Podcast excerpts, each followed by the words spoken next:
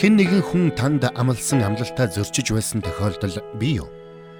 Ийм тохиолдолд бид маш их гомдож, сэтгэлдээ шарахтай хоцордог. Тэгвэл хамтдаа нэвтрүүлгийн өнөөдрийн дугаараар дамжуулаад доктор Стенли бидэнд хизээч зөрчигдөшгүй гайхамшигтай амлалтуудын талаар өгүүлэх болно. Эдгээр амлалтуудыг бид Бурхны үг болох Библиэс олж уншиж чадна. Бид Есүс Христэд итгэж Бурхны гэр бүлийн гишүүн болсон тэр мөчид мөнхийн улс дахь бидний байр суурь баталгаатай болсон гэдгийг Библиэдх амлалтууд гэрчилдэг байна. Өөрөөр хэлбэл бидний аврал баталгаатай юу гэсэн асуултад ямар ч эргэлзээгүйгээр тийм гэсэн хариултыг Библи бидэнд өгч байна гэсэн үг. Тэгвэл доктор Стенли өнөөдөр бидэнд Бурхны хүүхэд болсон бидний мөнхийн хувь тавилан хөдөлшгүйгээр шийдэгдсэн гэдгийг батлах хоёр баталгааг хэлж өгөх болно. Ингээд доктор Стенлиг өгтөн авцгаая.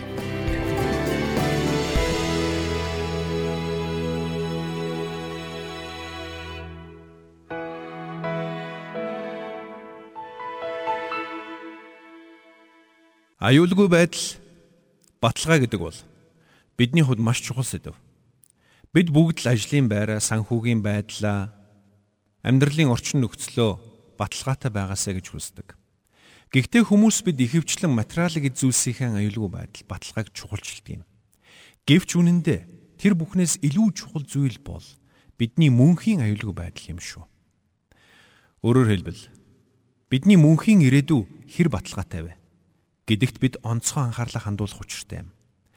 Авралын мөнхийн баталгаа гэдэг бол Бурхан бидэнд мөнхийн авралыг бэлэг болгон өгсөн бөгөөд үүнийг нэгэнд хүлээн авсан хүн энэ авралаа хизээч алдахгүй. Мөн энэ аврал мөнхийн мөнхөд үргэлжлэн гэсэн үг юм. Тэгвэл бидний аврал мөнхийн мөнхөд баталгаатай гэдгийг батлах хоёр чухал шалтгааныг би Библиэс танд хэлж өгмөр байна. Ингэхдээ бид хамтдаа Библийн хэд хэдэн хэсгээр аялах болно. Юуны түрүүнд хамтдаа Иохны 10 дугаар бүлгийн 27-оос 30-ыг гаргаад харъя. Бидний аврал мөнхийн мөнхөд баталгаатай гэдэгт бид итгэлтэй байж болох эхний шалтгаан бол Есүс Христийн амлалт юм. За энэ амлалтыг бид Иохны 10 дугаар бүлгийн 27-оос 30 дугаар ишлэлээс харах болно. Миний хонд дуугмын сонсдог. Би тэднийг таньдаг бөгөөд тэд намайг дагдаг юм. Би тэдэнд мөнх амиг өгнө. Тэд хизэж мөхгүй бөгөөд тэднийг хинч гараас минь булаахгүй. Тэднийг надад өгсөн эцэг минь бүхнээс агуу бөгөөд тэднийг хэн ч эцгийн гараас булааж чадахгүй. Би болон эцэг нэг юм гэж айлтлаа. За тэгэхээр би танд 27 28 дугаар ишлэгийг дахин уншиж өгье. Энд эзэн Есүс маш чухал тодорхойлтыг хэлж өгсөн байгаа юм шүү. Миний хонд дуугмын сонсдог юм. Би тэднийг таньдаг бөгөөд тэд намайг дагдаг юм. Би тэдэнд мөнх амийг өгнө. Тэд хизэж мөхөхгүй. Бөгөөд тэднийг хинж гараас минь булаахгүй гэсэн байгаа. Эзэн Есүс 27 дугаар ишлэлдэр миний хонд дууг минь сонсдог юм. Би тэднийг таньдаг бөгөөд тэд намайг дагдаг юмаа гэж айлтсан. Өөрөөр хэлбэл энд өөрт нь итгэж өөрт нь хувьчилсан харилцааг бий болгосон буюу Христэд итгэж хүмүүсийн тухай өгүүлсэн байна. Хончингүй хонин сүрэг маш амархан тэнж төөрөн хээрийн аратны идэж болдог. Харин хончонтойгоо байгаа цагт тэд аюулгүй байж чаддаг. Сонирхолтой нь эзэн Есүс энд Христэд итгэжтийг хонин сүрэгтэй зөөрлүүлэн хэлсэн. Би тэдэнд мөнх амийг өгнө. Тэд хизээч мөхөхгүй бөгөөд тэднийг хинч гараас минь булаахгүй гэж хэлэхтэй. Ямар нэгэн нөхцөл болзол хилээгүй. Харин зүгээр л миний хонд дууг минь сонсдог бөгөөд тэд намайг тандимаа гэж хэлсэн. Цааш нь үргэлжлүүлээд харах юм бол Матай номын 7 дугаар бүлгийн 21-с 23-ыг би танд уншиж өгье. Намайг эзэн минь эзэн минь гэсэн болгон Тэнгэрийн хаанчлалд орохгүй. Харин Тэнгэрт байгаа эцгийн минь хүслийг үйлдэгч нь л орно. Тэр өдөр надад олноороо эзэн минь эзэн минь бид таны нэрээр иш үзүүлж, таны нэрээр чөтгөрүүдийг хөөж, таны нэрээр олон гайхамшигыг үйлдэж байсан босуу гэх болно. Олон хүн гайхамшигыг үйлдэх нь мөнхийн улсад орох баталгаа гэж боддог. Тэгвэл эзэн Есүс үргэлжлүүлэн хэлэхтэй 23 дээр. Тэгтэн би тэдэнд би та нарыг танихгүй. Ёс бусыг үйлдэгч та нар надаас зайл гэж хэлэх болно гэсэн байдаг. Өөрөөр хэлбэл та нар миний жинхэнэ дагалдагч биш.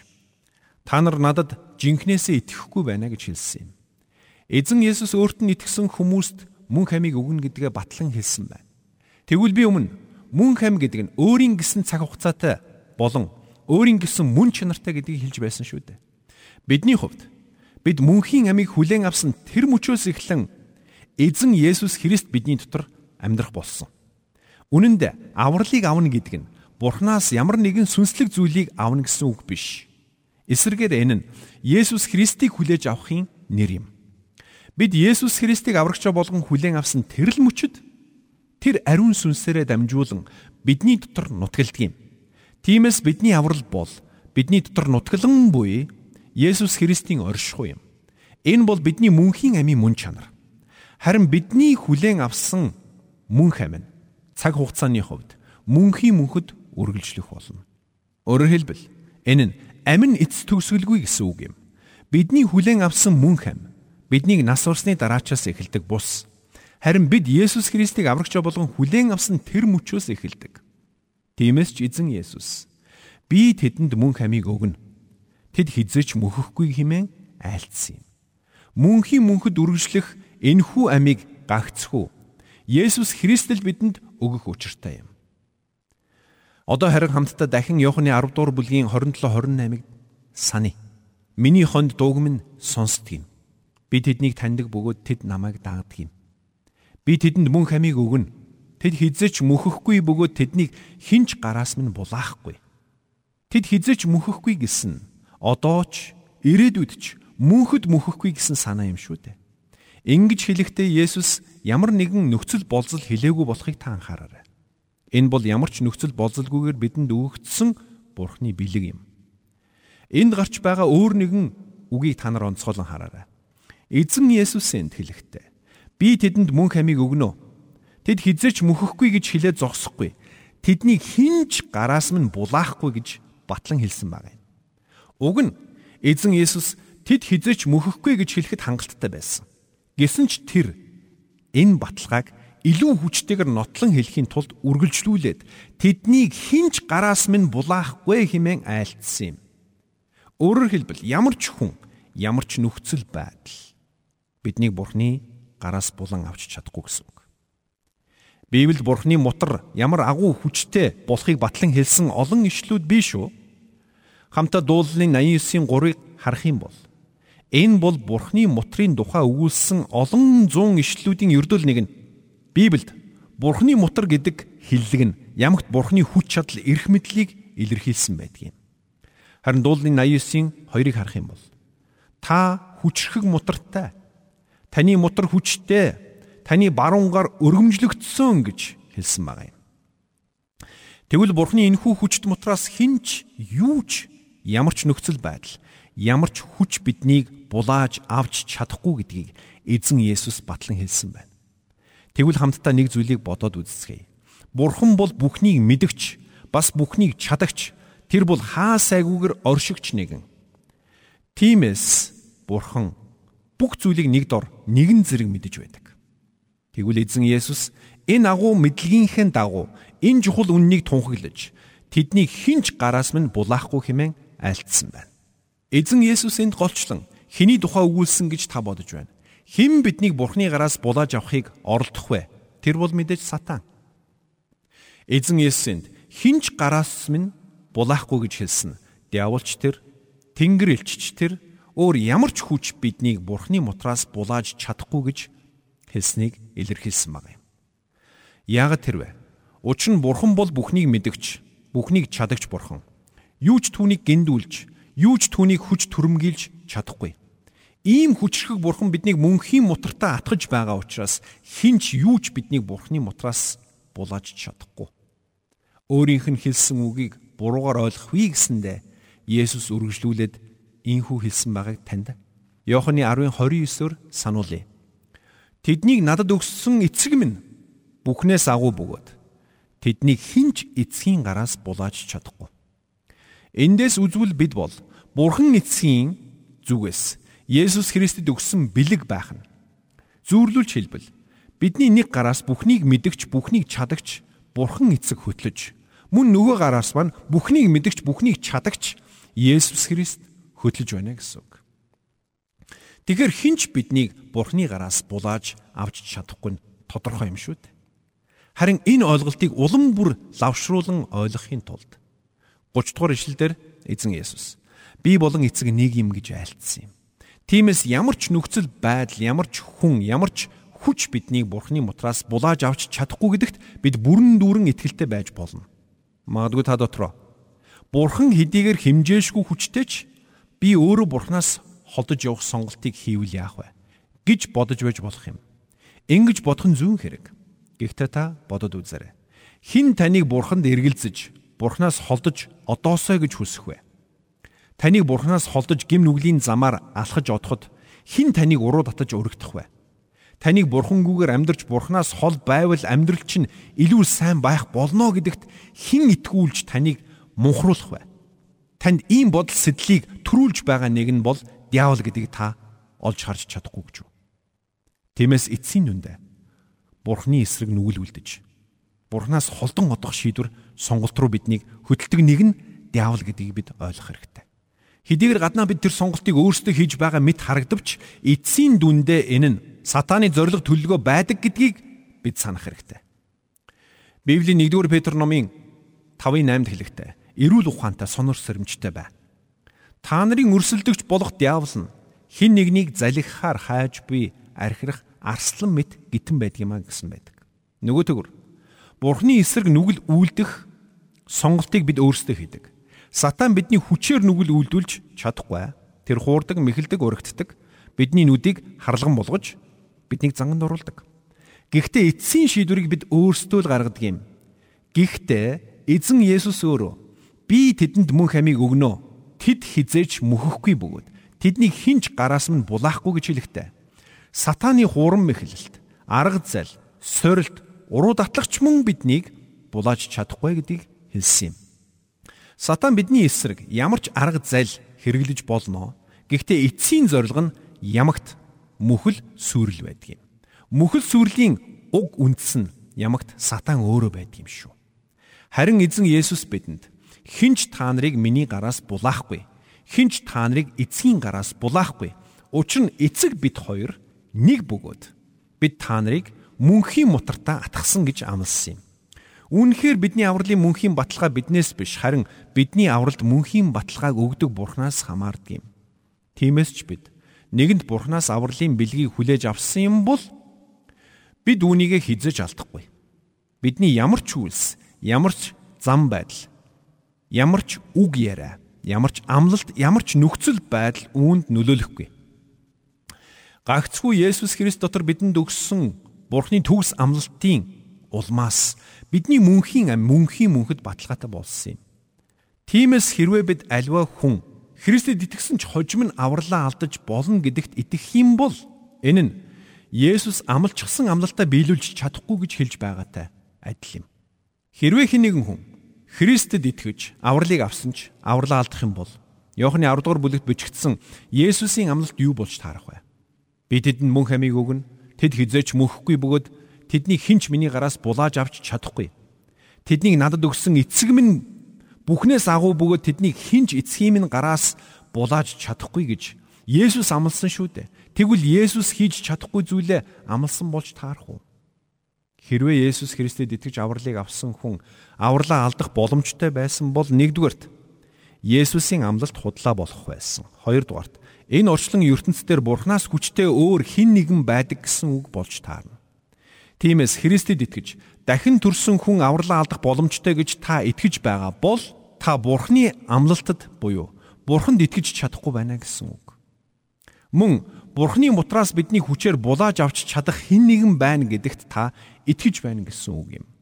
Энэ тохиолдолд бидний аврал битгий хэл энэ орчлон ертөнцийн баталгаатай зүйл нэгч байхгүй болж таарна гэсэн үг. Тэгэхээр та үүнд итгэх үү? Эсвэл Есүс Христийн амлалтад итгэх үү? Энэ бол таны хийх ёстой сонголт хамтдаа үргэлжлүүлээд бид авралын мөнхийн баталгаанда бүрэн итгэлтэй байж болох хоёр дахь том шалтгааныг авч үзье. Энэ шалтгааныг бид Еврей номын 7 дугаар бүлгээс харж болно. Итгэгчид бид авралаа алдах боломжтой гэж итгэдэг хүмүүс Еврей номоос гурван ишлэлийг иш татаж өөрсдийнхөө итгэл үнэмшлийг тайлбарлах гэж оролддог. Гэхдээ үннийг хэлэхэд итгэгчид бид авралаа хизээж алдахгүй гэдгийг хамгийн баттайгаар нотлон өгүүлсэн номнуудын нэг нь Еврей ном гэж би боддог. Тимээс хамтдаа Еврей номын 7 дугаар бүлгийг гаргаад харъя. Бид авралын мөнхийн баталгаанд бүрэн итгэлтэй байж болох эхний шалтгаан нь Есүс Христ бидэнд өгсөн амлалт байсан. А тэгвэл хоёр дахь шалтгаан нь бол бидний төлөө зуучлан залбирч буй Христийн зуучлан залбирал юм шүү гэдгийг хамтдаа Еврей номын 7 дугаар бүлгийн 25-аас харъя. Тиймээс тэр өөрөөр нь дамжуулан Бурханд ойртогсдгийг бүр мөсөн аварч чадна. Тэр тэдний төлөө зуушлан залбирахын тулд үргэлж амьд байдаг. Эндээс үзвэл Есүс Христ биднийг авраад зогсохгүй. Биднийг тасралтгүй харж хандаж, тасралтгүй санаа тавьж, Бурхан эцгийнхээ баруун гар талын хүндэт суудлаас тасралтгүй зуучлан залбирсаар байдаг байх нэ.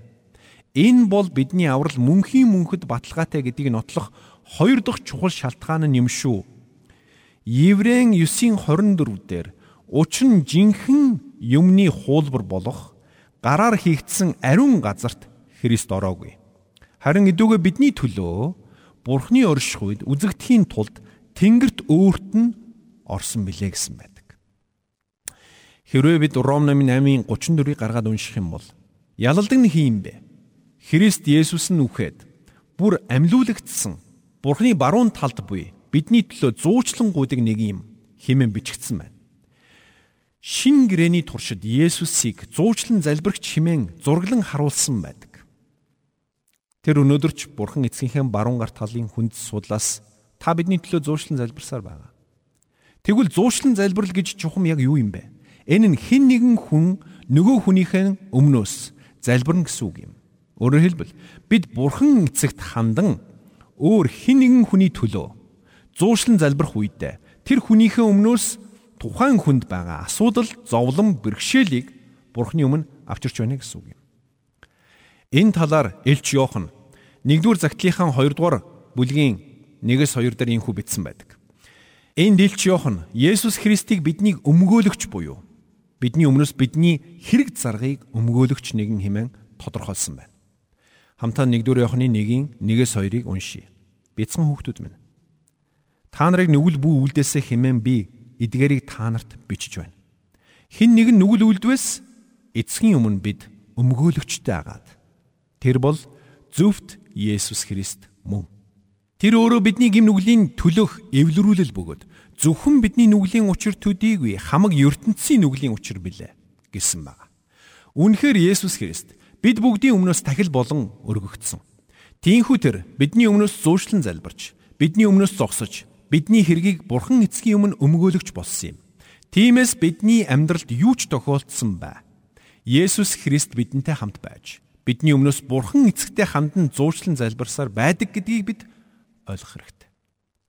Библиэд энэ талаар хэлэхдээ Есүс бидний төлөө тасралтгүй зуушлан залбирсаар байгааг онцолсон байдаг юм.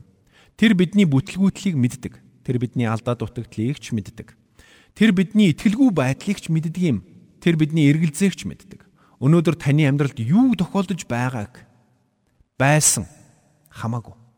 Есүс таны болон миний амьдралыг нэг нэгэнгүй мэдэж байдаг юм. Энэ дэлхий дээр хідэн тэр бүм хүн байхад Есүс яаж хүний бүрийн амьдралыг мэддэг юм бэ гэж та бодож байж магадгүй. Бид өөрсдөө бурхан биш учраас ингэж гайхах нь аргагүй юм. Харин бурхан бол биднээс өөр.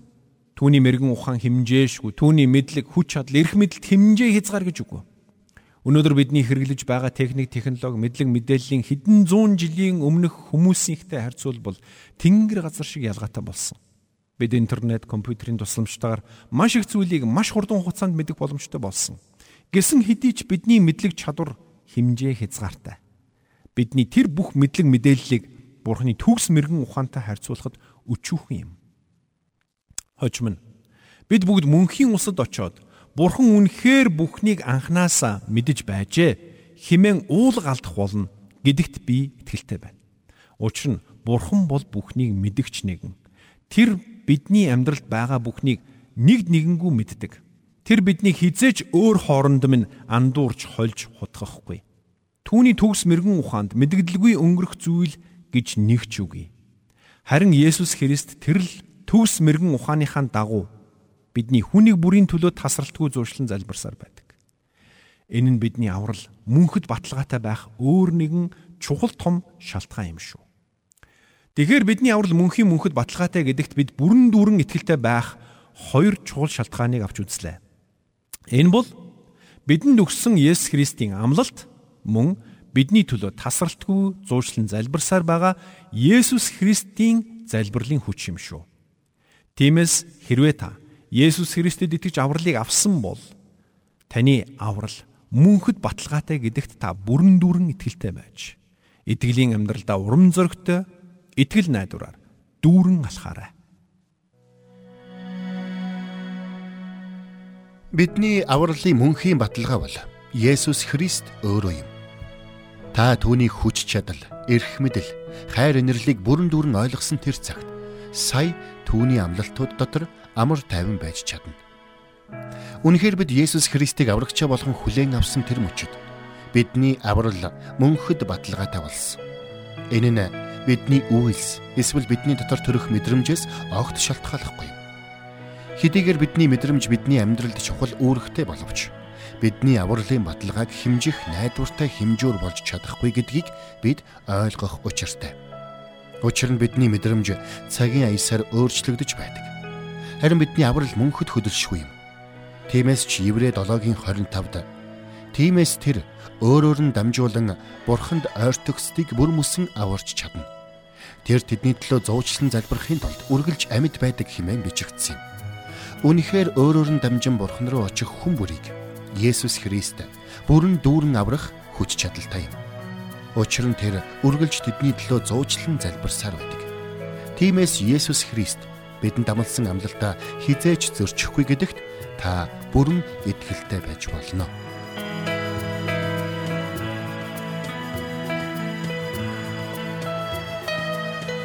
Бурханд тэмүүлсэн сэтгэл хүмүүсийг энэрх зөрхөөр амьдрахад туслах номлогч доктор Чарлз Стенлигийн хамттай нэвтрүүлэг сонсогч танд хүрлээ.